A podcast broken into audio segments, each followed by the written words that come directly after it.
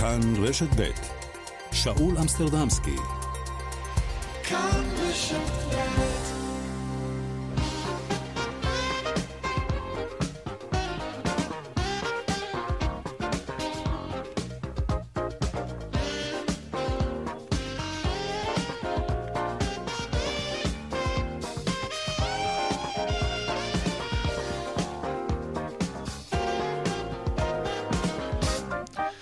צהריים טובים לכם, אתם על צבע הכסף, אני שאול אמסטרדמסקי, מחליף כאן באופן זמני את יאיר ויינרב.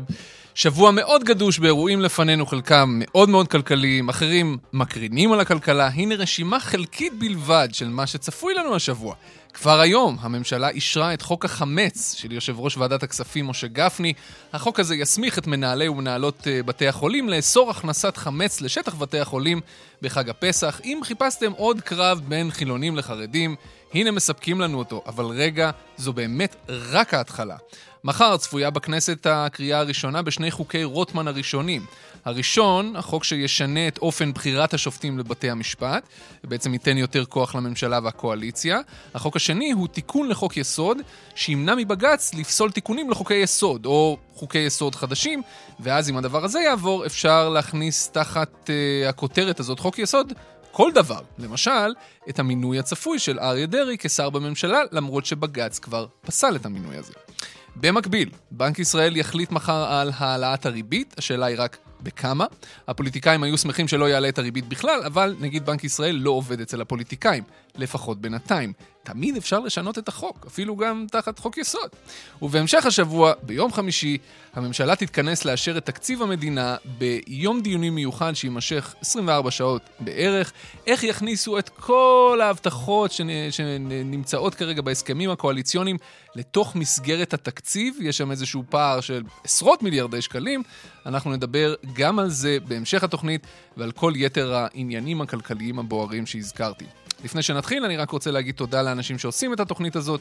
בהפקה קובי זרח, הטכנאי שלנו הוא רוני נאור, במוקד התנועה, הוא, אה, במוקד התנועה נמצא אהוד כהן, והנה אנחנו מתחילים.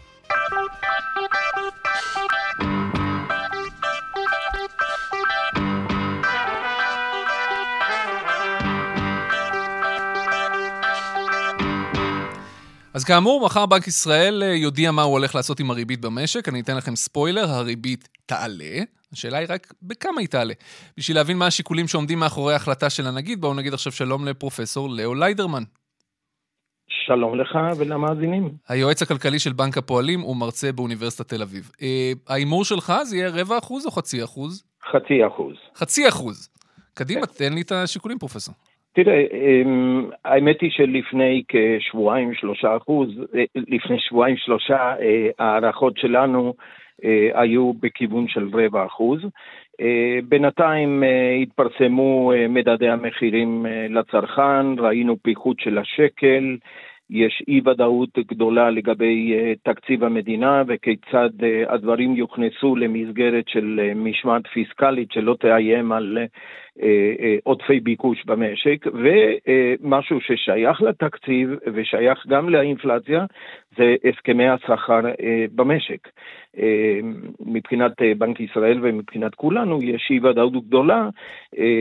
אם יהיו הסכמי שכר עם עליות שכר יחסית משמעותיות, הדבר הזה יכול להעיב א', על תקציב המדינה, וב' זה יכול ליצור מצב שהשכר במגזר הפרטי אה, יעלה, יש איזה שקילות, יש איזה קשר, כן, יש זה מושך את זה כלפי מעלה, כן. זה מושך את זה כלפי מעלה, וכידוע זה עלול להביא אותנו למין אה, מה שקרוי ספירלה האינפלציונית, שהשכר עולה, האינפלציה עולה, האינפלציה עולה, השכר עולה. כמו שהיה בתחילת. אה, שנות ה-80. אז בוא נפרק לאט לאט את מה שאמרת.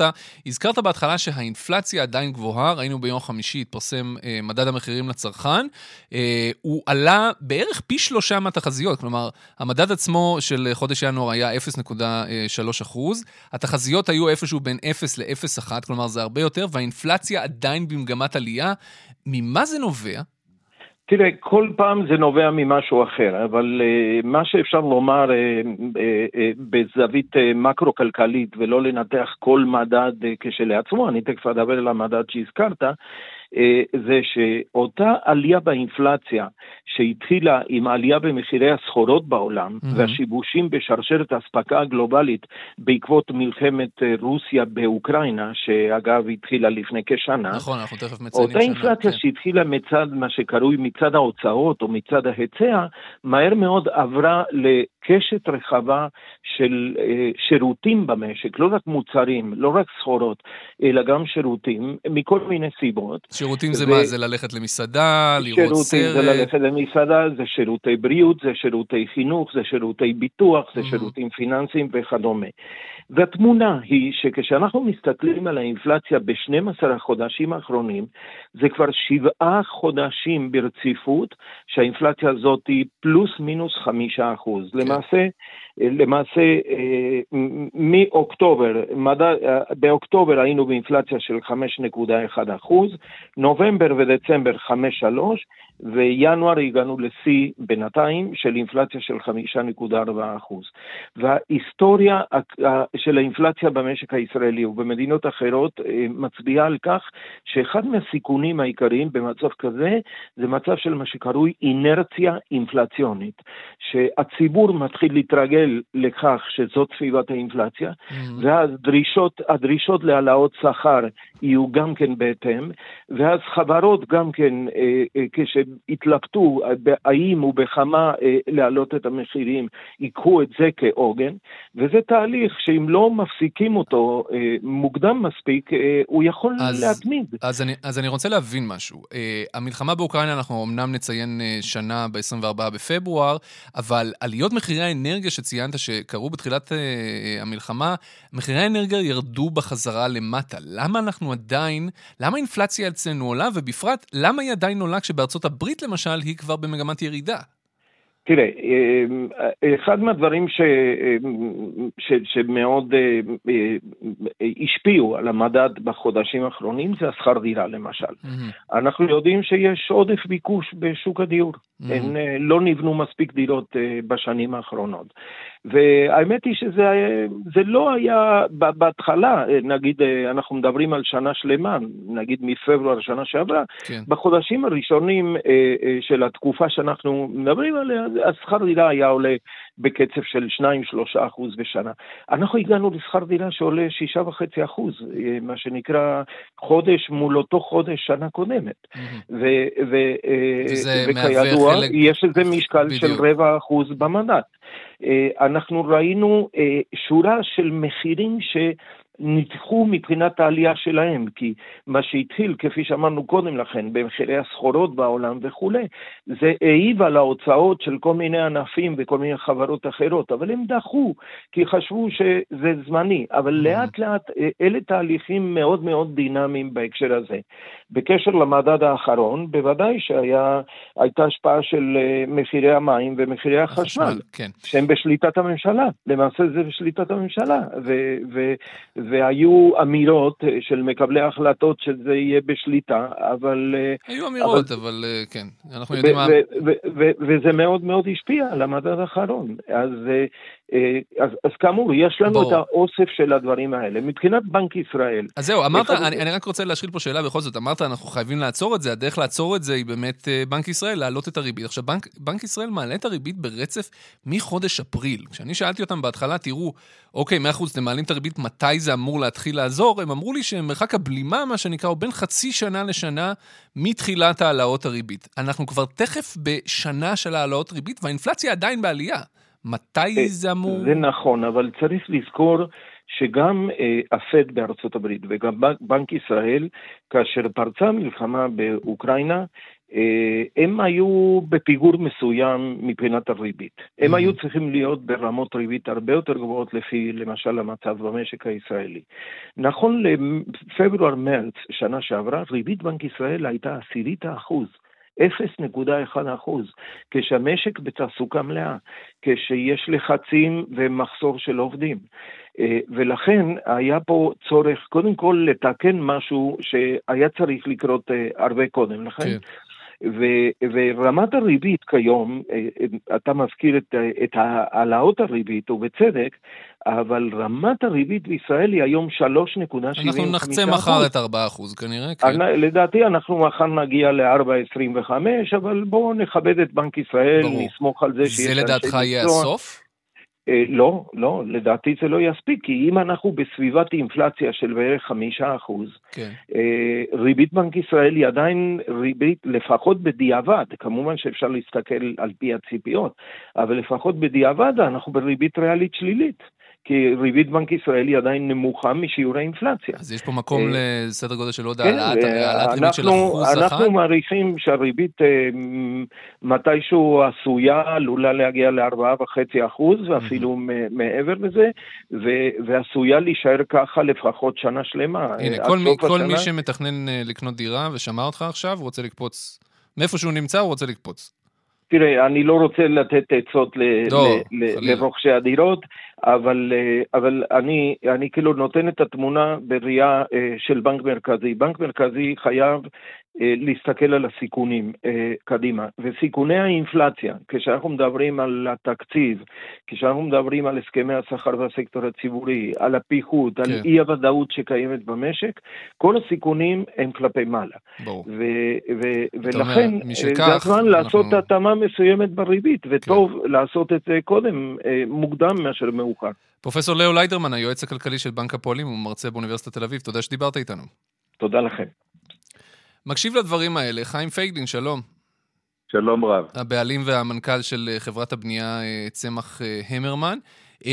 יחד עם מדד, מחירי, מדד המחירים לצרכן, שראינו שהתפרסם ביום חמישי, לצידו מתפרסם גם מדד מחירי הדירות. ושם אנחנו רואים שמחירי הדירות אומנם עדיין נמצאים במגמת עלייה, אבל בקצב הרבה יותר נמוך מאשר בחודשים הקודמים. זה היה אה, 0.2, שתי עשיריות האחוז בלבד בחודש, לעומת קצבים משוגעים של פי חמישה ויותר, זה, ויותר לפני זה בחלק מהחודשים. ואם מסתכלים על הנתונים זכוכית מגדלת, רואים שמחירי הדירות החדשות כבר נמצאים בירידה. אז יכול להיות שהאינפלציה במשק ממשיכה לעלות, אבל בתחום הדיור אנחנו רואים סיבוב פרסה? נהפוך הוא, אני חושב שבדיוק הפוך. אה, מחירי הדירות אה, החדשות הם לא הפונקציה לגבי, אה, לגבי כל עניין האינפלציה. הנושא המרכזי בעניין האינפלציה הוא מחיר הדירות להשכרה, ובתחום השכירות, במקום להוריד את השכירות, העלאת הריבית רק מתדלקת ומעלה את מחירי השכירות ויוצרת פה מעגל שוטים באופן שככל שהנגיד מעלה את הריבית, אה, הוא גם מעלה את השכירות, ועל ידי כך מעלה את המדד, ועל ידי כך את האינפלציה, וחוזר חלילה. כי אתה אומר, כל מי שיש לו דירה להשקעה, שמשלם עליה משכנתה, ככל שהריבית עולה, הוא פשוט מחדש את החוזה ומעלה לפי שיעור העלאת הריבית, כן? כן, או מוכר את הדירה ומוציא אותה לשוק אה, ומקטין על ידי כך את אה, היצע הדירות להשכרה, mm-hmm. כאשר כל השוכרים, כל אלה שיושבים על הגדר ולא קונים ומעכבים את ההחלטות שלהם על רכישות דירה, לאן הם הולכים? הם הולכים הרי לשוק השכירות, אז הוא מגדיל את הביקוש בתחום השכירות ומקטין את ההיצע בתחום השכירות. אבל בכל זאת אנחנו רואים את מחירי הדירות החדשות בירידה. למה אתה אומר שזה לא אינדיקציה לשוק בכלל? כי מחירי הדירות, אה, קודם כל הריבית הוא אה, כלי קצר טווח ולא אה, כלי ארוך טווח. פה מדובר על, על חלון קצר, הוא יכול להשפיע באמצעות הריבית רבעון, שניים, שלושה, שנה. הוא לא יכול, שוק הדיור הוא שוק ארוך טווח, הוא מתנהל בסייקלים של שלוש, חמש, שבע, עשר שנים. זה מה שלוקח ליצור פרויקט בישראל, ולכן אי אפשר להעלות את הריבית כל הזמן לאורך אה, שנה, שנתיים, שלוש, חמש, זה לא מעשי, ולכן מתישהו הרי יפסיקו להיות הריבית ואולי אפילו תשתנה מגמת הריבית וכולם ירדו מהגדר ויבואו לחזור לשוק אה, ולרכוש דירות. ואז מה הם ימצאו שם? הם ימצאו שם היצע מדולדל, כי כולם היום יושבים על הגדר, גם היזמים. כלומר, ברור. הכלי של הריבית הוא הכלי הטיפש ביותר שאפשר להפעיל כאן, משום שהוא גם מקטין את הביקושים, אבל הוא גם מקטין ובעיקר את ההיצעים. רגע, שנייה, אני, ו... אני, אני רוצה שתעזור לי להבין בסד... את הדינמיקה הזאת, בסדר? אתה אומר, כולם יושבים על הגדר. זה מצד אחד, אלה הקונים שיושבים על הגדר, בין היתר גם משום שהם שומעים בחדשות שרגע, אולי אנחנו רואים פה איזה שינוי במגמה, אבל גם משום שבוא נגיד, אתה יודע, בוא נודה על האמת, באובייקטיביות, זה עכשיו הרבה הרבה יותר יקר לקחת משכנתה. זאת אומרת, זה, הם, הם היו רוצים אולי לקחת, זה פשוט נורא יקר, אז הם מחכים. מצד שני, אתה אומר, היזמים יכולים לעשות ברקס ולא אה, לא לבנות כל כך מהר, סליחה על האמירה הפשטנית. אני כבר לא מדבר על זה שהיזמים שמים ברקס. אבל ברור שבסיטואציה הזאת היזמים לא רוצים לקנות קרקע. בדיוק. אתה רואה כבר מכרזי, מכרזי רשות מקרקעי ישראל נכשלים. אז מה רוצים לעשות? בין היתר גם כי עלויות המימון שלהם כבר נהיו גבוהות. אבל מה שמסכן אותי לדעת, זה בדינמיקה הזאת של בין צד הביקוש יושב על הגדר וצד ההיצע יושב על הגדר, מי שווה ראשון? מי מצמץ קודם? רוכשי הדירות או, או אנשים שמנסים למכור להם דירות שאולי יגידו, טוב, אנחנו נוריד מחירים? טוב, את זה ראינו כבר לאורך הרבה סקלים, כן? גם ב-2007, ב-2011, ב- אנחנו רואים כל פעם אה, אה, שבסופו של דבר אה, דירה זה לא מוצר מדף שנרקב, כן? זה לא פירות ולא ירקות. Mm-hmm. אפשר למכור את זה במקום השנה, בשנה הבאה או בעוד שנתיים. לא יקרה שום דבר. לעומת זאת, רוכשים, צריכים, הם צריכים דיור, הם צריכים קורת גג, זה מוצר בסיסי. בסופו של דבר, אנחנו רואים שכל פעם הציבור חוזר לשוק כי הוא, הוא, הוא זקוק לדירות, אין מה לעשות. יש 90 אלף משקי בית שנוצרו בשנת 2021, זה לא אני אומר, זה הלמ"ס אומר. Mm-hmm. אז כאשר יש 50 אלף אה, דירות בהליכי בנייה אה, לשיווק היום, ו-90 אלף משקי בית שנוצרו רק בשנת 21, ברור לכולם לאן נוטה מאזן הנוחות, מאזן הכוחות. אז מה שאתה אומר, גם אם אנחנו רואים כבר איזושהי ירידה מסוימת במחירי הדירות החדשות, ואולי גם אם נראה אותה באיך אמרת, רבעון, שניים, שלושה שנה, בטווח הארוך יותר, גם אם הריבית תישאר גבוהה, לאנשים לא תהיה ברירה, אלא לקחת משכנתאות מאוד מאוד יקרות ולקנות דירות, כי הם צריכים לגור איפשהו, זה מה שאתה אומר? או שהם ישכרו דירות ביוקר והאינפלציה תמשיך לעלות עד שהריבית עד שהריבית תחזור למחוזות אה, אה, שפויים. אז זה ברור שהכלי הזה הוא כלי שהוא אה, גם לא יעיל, והוא גם כלי עם תופעות לוואי קשות מאוד לכולם, לצרכנים, לכל הציבור. עכשיו, סלח לי שאני שואל את זה, אבל אתה יודע, אני חייב.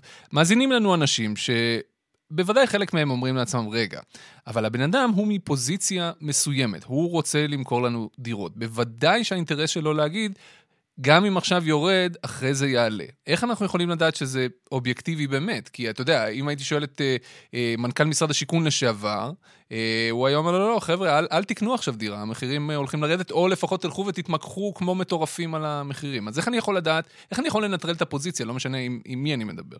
תראה, שאול, אני אכן מפוזיציה אבל אני מברך על התייצבות במחירי הדירות כמו שכולנו מברכים על זה. הטירוף הזה של 20% עליית מחירי דירות בשנה, זה לא נורמלי, mm-hmm. זה לא טוב לנו. למרות שזה מסדר לכם יפה את שורת הרווח. זה אולי מסדר את שורת הרווח, זה גם מעלה מאוד את אה, הוצאות המימון, ולכן אני לא יודע איפה שורת הרווח אה, אה, משתפרת mm-hmm. ואיפה היא נפגעת. אבל בסופו של זה ימים יגידו. אבל בסופו של דבר, אני חושב שאנחנו מברכים כולנו על זה שמחירי הדירות מתייצבים, ואנחנו לא היינו רוצים לראות שוק עולה ומטפס כל הזמן. כן. ואני רוצה להזכיר שכאשר אה, שרים, פקידי ציבור בכירים, פקידי ממשל, קראו לכל הילדים שלהם לא לקנות דירות לפני... אה, אה, נכון, אני זוכר את פרופסור יוג'ין קנדל אומר שהוא המליץ לבנות שלו לא לקנות דירות, כן. נכון, אז אנחנו, לילדים שלנו המלצנו כן לקנות, ואני באמת, ליבי עם אותם ילדים שלא קנו דירות. אני, אני חושב שמי שצריך דיור, עדיף שיקדים את החלטותיו ולא אחר. אני לא ממליץ למשקיעים לקנות דירות היום, כן? המודל של השקעה בדיור להשכרה הוא מודל היום שלא ישים בריבית הזאת, mm-hmm. ולכן אני לא, לא מציע לאף אחד לקנות. למרות שלדעתי רוב מי שקונה בישראל דירות ל... ל... להשקעה לא קונה אותן בשביל התשואה משכירות, אלא התשואה מעליית ערך, כלומר שהם ימכרו מתישהו את הדירה. אבל... נכון, אבל זה כבר ספקולציה, זה ואני... נכון, כמו כל השקעה אחרת. מי שיש לו כסף לספקולציות זה בסדר. אני אבל... רוצ...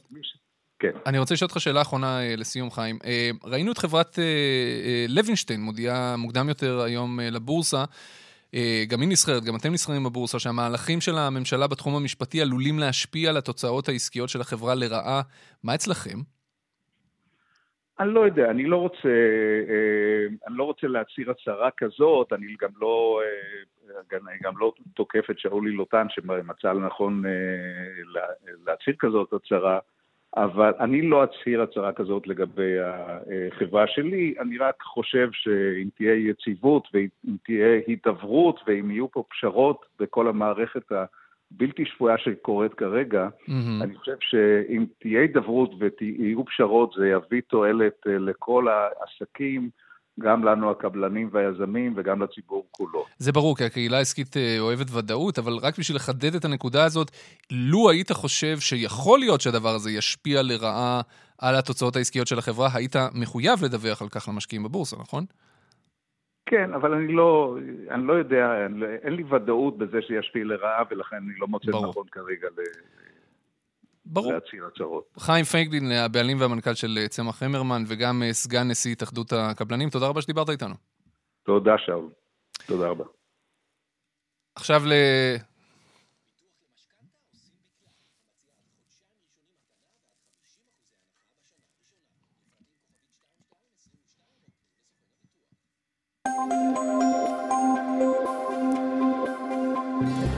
חלום שלי להקריא דיווחי תנועה. באיילון צפונה עמוס ממחלף חולון וקיבוץ גלויות עד גלילות, צר לי, דרומה ממחלף רוקח עד לגרדיה. דרך שש צפונה עמוסה ממחלף נשרים עד בן שמן וממחלף קסם עד מחלף אייל, דרומה מנחשונים עד בן שמן. דרך החוף צפונה עמוסה מגעש עד נתניה וממחלף אולגה עד מחלף, קיס... עד מחלף קיסריה, תנחומיי לכל הנוסעים והנוסעות ברכב. דיווחים נוספים בכאן מוקד התנועה, כוכבי 9550 וגם באתר שלנו. אנחנו נצא להפסקת פרסומות קצרה, מיד נחזור. צבע הכסף, חזרתם, אני שאול אמסטרדמסקי. רציתי להגיד משחקי הכיס, יצא לי טבעי, אבל זה כבר לא. אה, שלום לממונה על התחרות. שלום וברכה. עורכת הדין אה, מיכל כהן, מה שלומך? בסדר גמור. איזה כיף זה להיות הממונה על התחרות, איזה טייטל מדהים זה. שלום, אני הממונה על התחרות, באתי לעשות תחרות. איך הולך עם זה? כן, ככה זה, ככה זה נשמע. אה, זה נשמע לי כמו תפקיד כפוי טובה, ככה זה נשמע לי במדינת ישראל, אני חייב להגיד. כן, אבל בואי נדבר... אני יותר מזדהה. כן, בואי נדבר ברצינות. אה, אתם הוצאתם הודעה מעניינת היום על כך שהחל מהשנה הבאה, 2024, אני אף פעם לא מבין למה הרגולטור נותן כל כך הרבה זמן להיערך, אה, היצרניות המזון הגדולות כבר לא יוכלו לסדר את המדפים בסופר בעצמן. מה שאומר שהיום הן כן עושות את זה? היום אה, המצב הוא שבחוק המזון, חוק המזון אוסר על, אה, על אה, ספקים גדולים לפי חוק המזון, זאת אומרת מעל 300... תנובה, שטראוס, כאלה, גדולות, כן, אוסם, גדולים, כן. לסדר את המדפים, לסדר את המוצרים שלהם על המדפים של קמעונאים אה, גדולים. של רשתות השיווק, שופרסל, כן, רמי לוי וכולי, כן. בדיוק. עכשיו, במהלך השנים היו דרכים לפתור, בגלל שזה היה שינוי שהיה לו גם, גם חסרונות, ובעצם אה, עד אז, עד, אה, עד חקיקת החוק, מי שסידר את המדפים היו הספקים, אז ניתנו, ניתנו פטורים לדבר הזה, ובעצם הפטור, הפטור שהיה תקף עד, ל, עד להיום או עד לשנה הבאה זה שלקמעונאי יש פלנוגרמה, זאת אומרת יש לו סידור, הוא מחליט איך הסופר יהיה מסודר, איך כל סניף יהיה מסודר, כן. איך יראו המדפים, ומי שמסדר לפי הפלנוגרמה יכול להיות הספק. כלומר, זה, זה, לא, זה לא שאוסם קובעת במדפים האלה אני שמה נכון. את המוצרים שלי, אלא לצורך העניין שופרסל קובעת את זה, ואוסם רק מסדרת את זה פיזית על המדף? כן. זה, בעצם הפטור אמר מי ש... אה, אה, קבע איך המדף שלו יראה, כשקמעונאי קבע איך המדף שלו לא יראה, הוא יכול לתת לספק גדול גם לסדר. אז מה זה... גם לספקים הקטנים וגם מה... לספקים הגדולים. תראי, אם הם לא קובעים את הסידור על המדף, מה אכפת לכם מי מסדר? אז ככה, אנחנו באמת אה, לקראת הפקיעה הקרבה של הפטור הזה, כי פטור הוא, הוא איזה פטור סוג שהיה לכמה שנים, mm-hmm. בדקנו והוצאנו קול קורא ושמענו ככה את, ה, את השוק.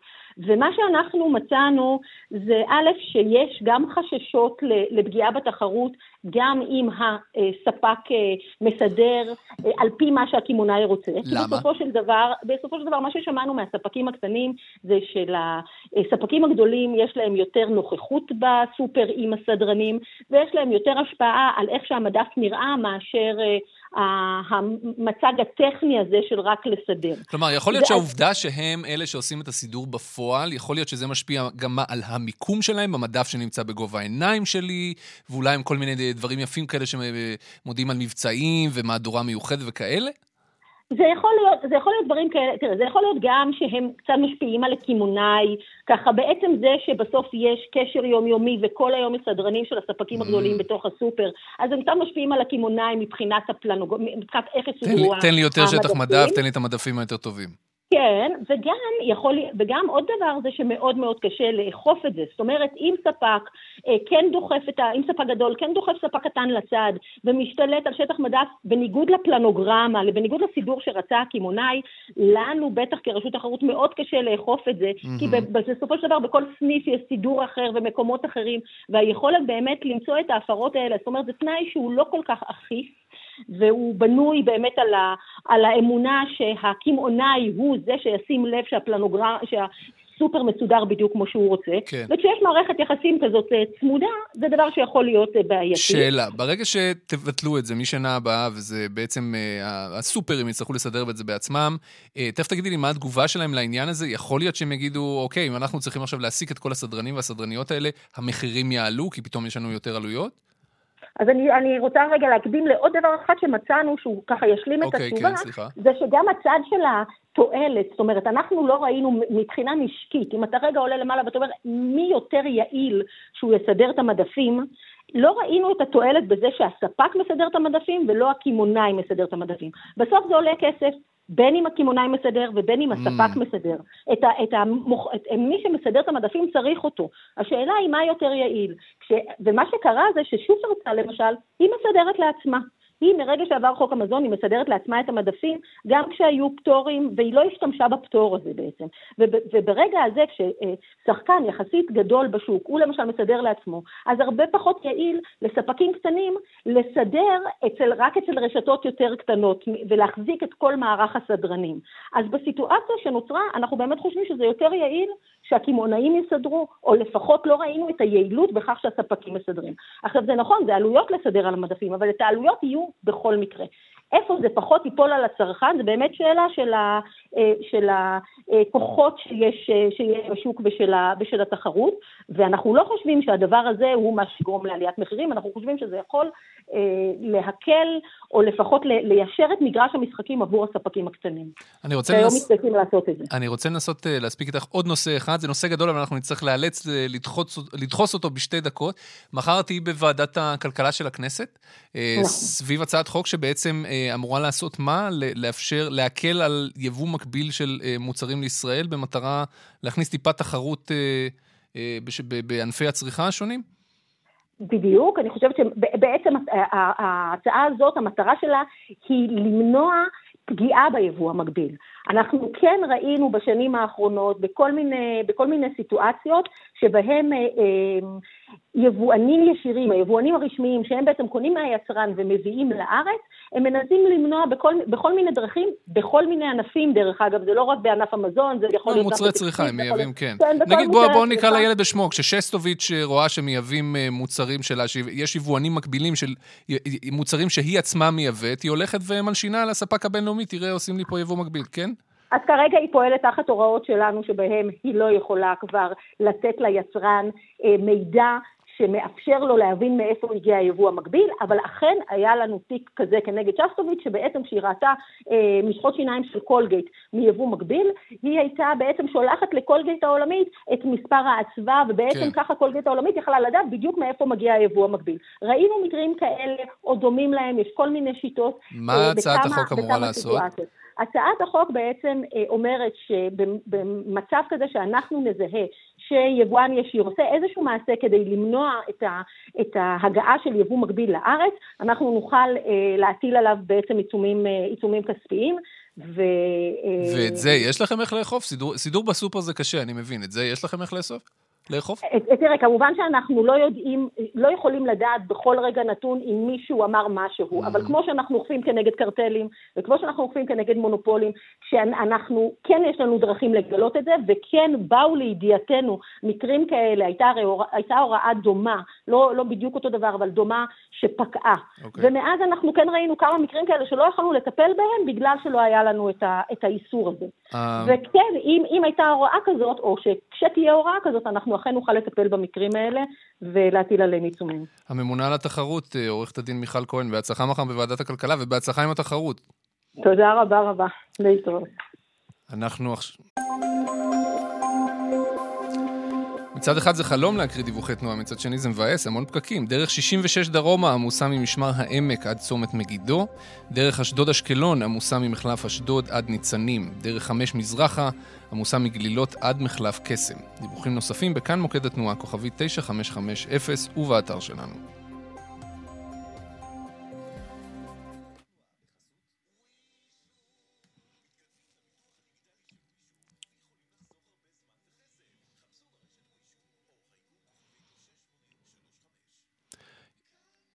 צבע הכסף, חזרנו, בוא נגיד שלום לעובד יחזקאל. היי, שלום, צהריים טובים, שאול. לשעבר, אה, שאול זה מספיק טוב, לשעבר מזכיר הממשלה בתקופת אה, אהוד אולמרט, היום יושב ראש קבוצת הייעוץ אה, טרה. עובד, ביום חמישי הממשלה תתכנס לישיבת דיוני התקציב, משהו שנמשך לרוב 24 שעות ככה, פלוס מינוס. עוד לפני שאני שואל אותך איך עושים את הנס הזה שהממשלה צריכה לעשות, תן לנו, למי שלא מכיר, הצצה לאיך זה נראה מבפנים, ככה בקצרה. תראה, אני אגיד לך, קודם כל בוא נעשה איזשהו דימוי ככה שכל אחד מכיר. אני פשוט כאילו, נורא סקרן לדעת אם זה ממש בזאר טורקי או שזה יותר שפוי. אז תראה, אז בוא נעשה את זה ככה. קודם כן. כל, אה, אה, יש חדר ישיבות ממשלה, ויש אה, שוק רמלה לוד, ואני מצטער לקבוע שבדרך כלל כשאתה מסתובב בשוק רמלה לוד וקונה פירות וירקות, לפעמים אתה בטח יכול לראות ביטויים כאלה גם בישיבת הממשלה. אגב, זה שוק מקסים, אל תרד על השוק, נכון, לפעמים אני שם בימי שישי, אחלה שוק. אני יושב ראש מוזיאון רמלה בהתנדבות, אופה. השוק הוא חלק מהמוזיאון שלנו ואני גאה בו, והוא אה, שוק ילדותי גם, אז יפה. אני לגמרי מסכים איתך. אבל בעיקרון, אה, באמת זה איזשהו דימוי ציורי כדי באמת להסביר שלפעמים האירוע הזה מתנהל בצורה, אה, בצורה הבאה. תראה, יש בסופו של דבר אה, אה, משאבים מוגבלים. יש הסכמים קואליציוניים, ומעבר להסכמים הקואליציוניים, כל שר שנכנס למשרדו מבין את האילוצים של המשרד ומנסה לייצר בתוך זה סדר עדיפויות לנושאים המרכזיים שהמשרד הניח על שולחנו ושהוא היה מבקש לקדם כשר. תוסיף לזה את כל הבאמת אה, שוק שנעשה ממשרדי הממשלה עם כל השרים החדשים וכל אחד שעכשיו מנסה לייצר לעצמו תקציב וסמכויות, והנה לך אירוע עוד יותר מורכב.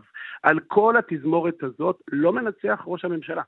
על כל התזמורת הזאת מנצחים אה, גורמי האוצר, שר האוצר הוא המנצח הראשי, והתזמורת היא, זה בעצם הפקידות המקצועית של משרד האוצר. אנשי אגף תקציבים. בעיקר אנשי אגף תקציבים, נכון, אי אפשר להתעלם, אתה יודע, בכל זאת מחלקם. כן, בדיוק כך. עכשיו, אה, אה, העניין הוא שברגע הזה שבו הממשלה תקבע את מסגרת התקציב, שזו תהיה לאחר מכן התשתית, שים לב לשני מסלולים, שאול, אתה מכיר את זה, גם לחוק הסדרים וגם לחוק התקציב, אנחנו נמצא את עצמנו במצב שבו מי שלא מצליח להכניס לתוך מסגרת התקציב הבנות, יתקשה מאוד בשלב שלאחר מכן. זאת אומרת, בשלב שלאחר מכן אנחנו נמצא את עצמנו, אם אני עכשיו שר, העקרונות שהצלחתי להכניס למסגרת התקציב כאילו הוסכמו, mm-hmm. כל שינוי יהיה כרוך בהרבה מאוד מאמץ ובעבודה הרבה יותר מורכבת וקשה. ולכן, כשאתה מגיע למצב שבו בתוך אירוע יש לך, תחשוב, אלפים של סעיפי תקציב, יקרו שני דברים. אחד, האוצר יצליח לא מעט מהסעיפים האלה להעביר בלי שאף אחד ידע שהוא העביר אותם, mm-hmm. ובמסגרת שמעניינת את השרים, כן, יהיו אלמנטים של חטוף כפי יכולתך, יהיו אלמנטים של לחצים, יהיו אלמנטים של איומים פוליטיים, איומים קואליציוניים. יפה, אבל... אז, אז התמונה כן. שתיארת זה מהלך העסקים הרגיל, מה שנקרא, זה כל פעם ככה. פה אנחנו מדברים על כך שהתקציב גדל ב-X מיליארדי שקלים, משרד הביטחון תמיד רוצה את הנתח הכי גדול, זה פשוט, זה, זה, זה כלל טבע, אבל הפעם, בגלל ההסכמים הקואליציוניים, אה, פחות או יותר כל המפלגות קיבלו הבטחות לתוספות של עשרות מיליארדי שקלים. מה היה לנו? הכפלת אה, שכר השוטרים במשטרה אה, אה, לבן גביר. אה, יואב קיש, שר החינוך, אה, רוצה שם תקציבי עתק לכל מיני דברים במשרד החינוך. וזה עוד לפני שדיברתי על כל ההבטחות שניתנו למפלגות החרדיות בתחום אה, מערכת החינוך אה, שלהן.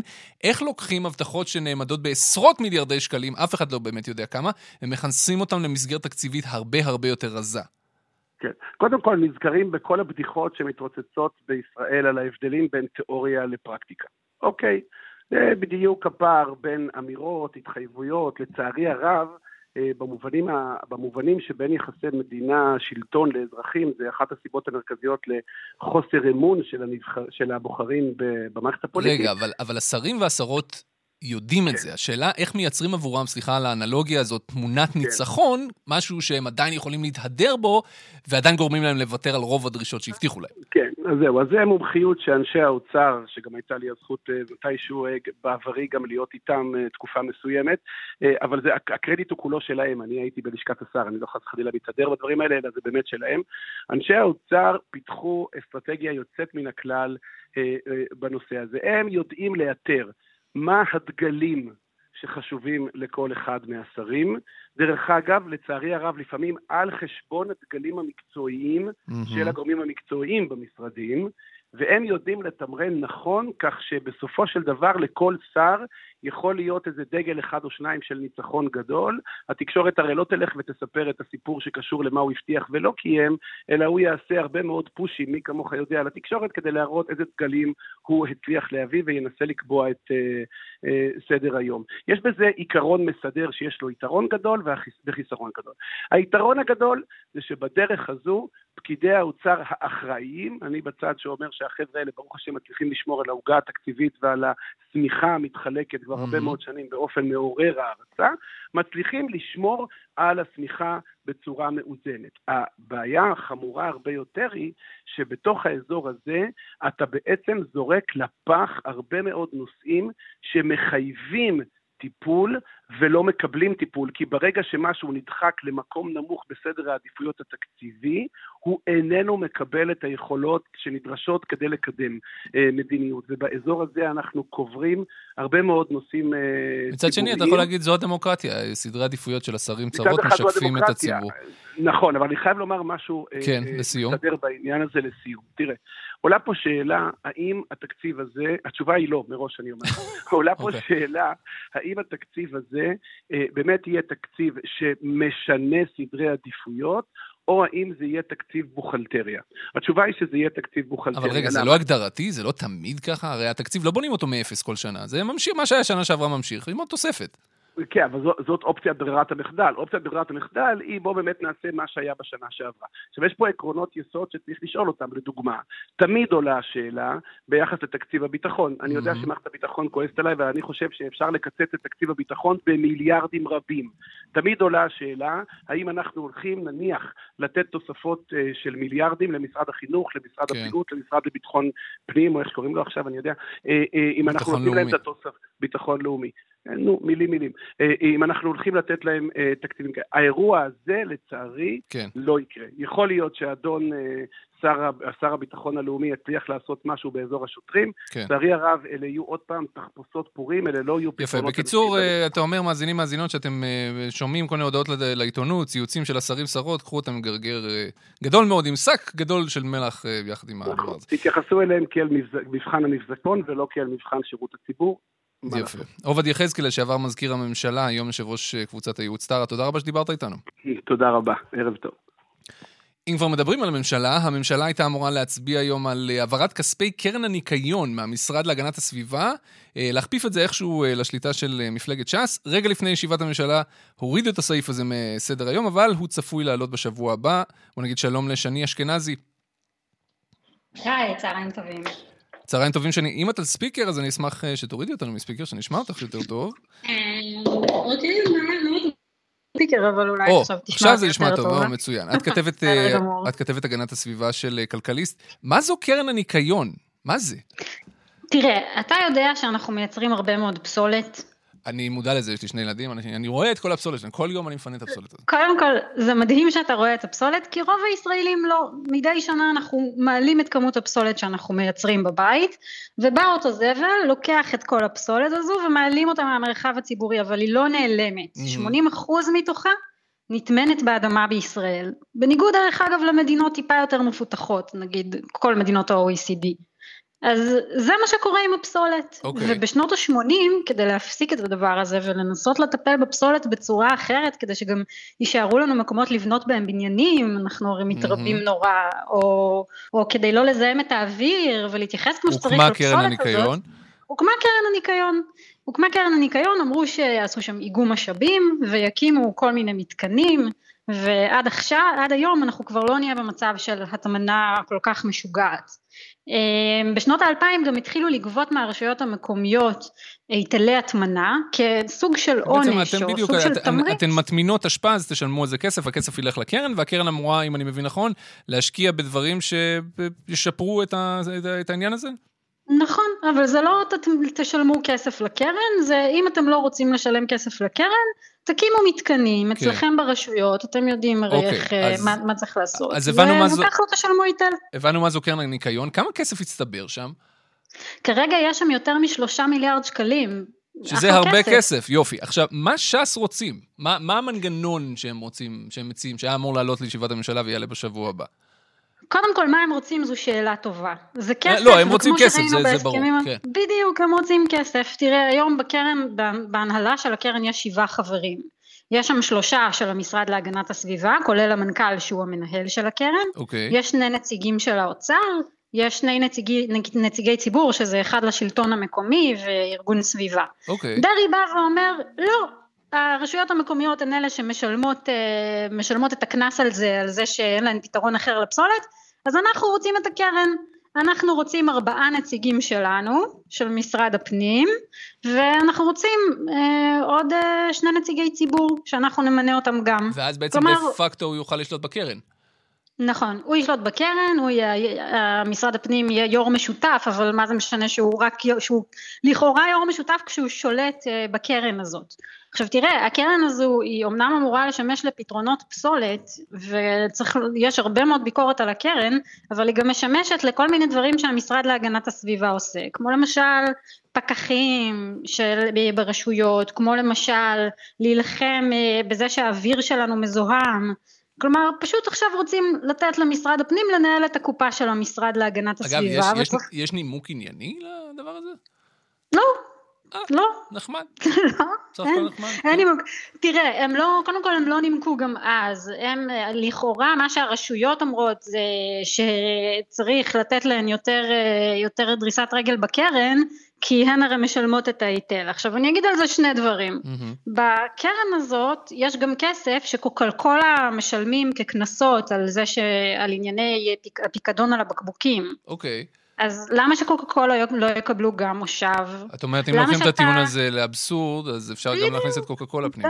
בטח, גם אותך אפשר להכניס לעיריית ירושלים לנהל את מה שעושים עם הכספים של הקנס, בטח פעם חנית איפשהו. אני חניתי, כן, בדיוק היום שלי. מעולה. כן. יפה, אתה רואה עכשיו, אה, מה הסיכוי, בסופו של דבר... היום, היום זה ירד, אנחנו ממש מתכוונים לסיום, אז אני מאיץ בך. ירד. זה ירד כן. היום מסדר היום, אה, למה ומה הסיכוי שזה יחזור בשבוע הבא? זה ירד בעקבות לחצים, תראה, זו קופה גדולה, זה לא רק כן, מהשרה לא סילמן, שאני לא חושבת שכל כך סופרים אותה בממשלה, אבל גם בליכוד אני מניחה שמבינים שהמשרד להגנת הסביבה הוא באופן מסורתי משרד של הליכוד, למה שהם ייתנו את הקופה הזו? עכשיו, הבנתי. זה יחזור, ש"ס מאוד נחושים, זה כנראה יחזור שבוע הבא. זאת אומרת, זה פחות מאהבת הסביבה ויותר משיקולים uh, פוליטיים. כן. אני מניחה. עכשיו, צריך גם לומר, uh, הם יקבלו שליטה על קופה, אבל אין להם שום אחריות. כן. הם לא מבינים בפסולת, זה לא, לא עניין שהם עוסקים בו, זה פשוט לא יכול לקרות. שני אשכנזי, כתבת הגנת הסביבה של אה, כלכליסט, את תמשיכי לעקוב אחרי הנושא הזה. תודה רבה שדיברת איתנו. תודה לך. חברים, חברות, אתם שומעים את uh, אות הסיום, מה שאומר שאנחנו uh, סיימנו. אני אגיד uh, תודה לקובי בז'ה שהיה הטכנאי שלנו ולקובי זרח, סליחה, שהיה המפיק של השידור הזה. אני שאול אמסטרדמסקי, שמחתי מאוד להחליף את יאיר ויינרב.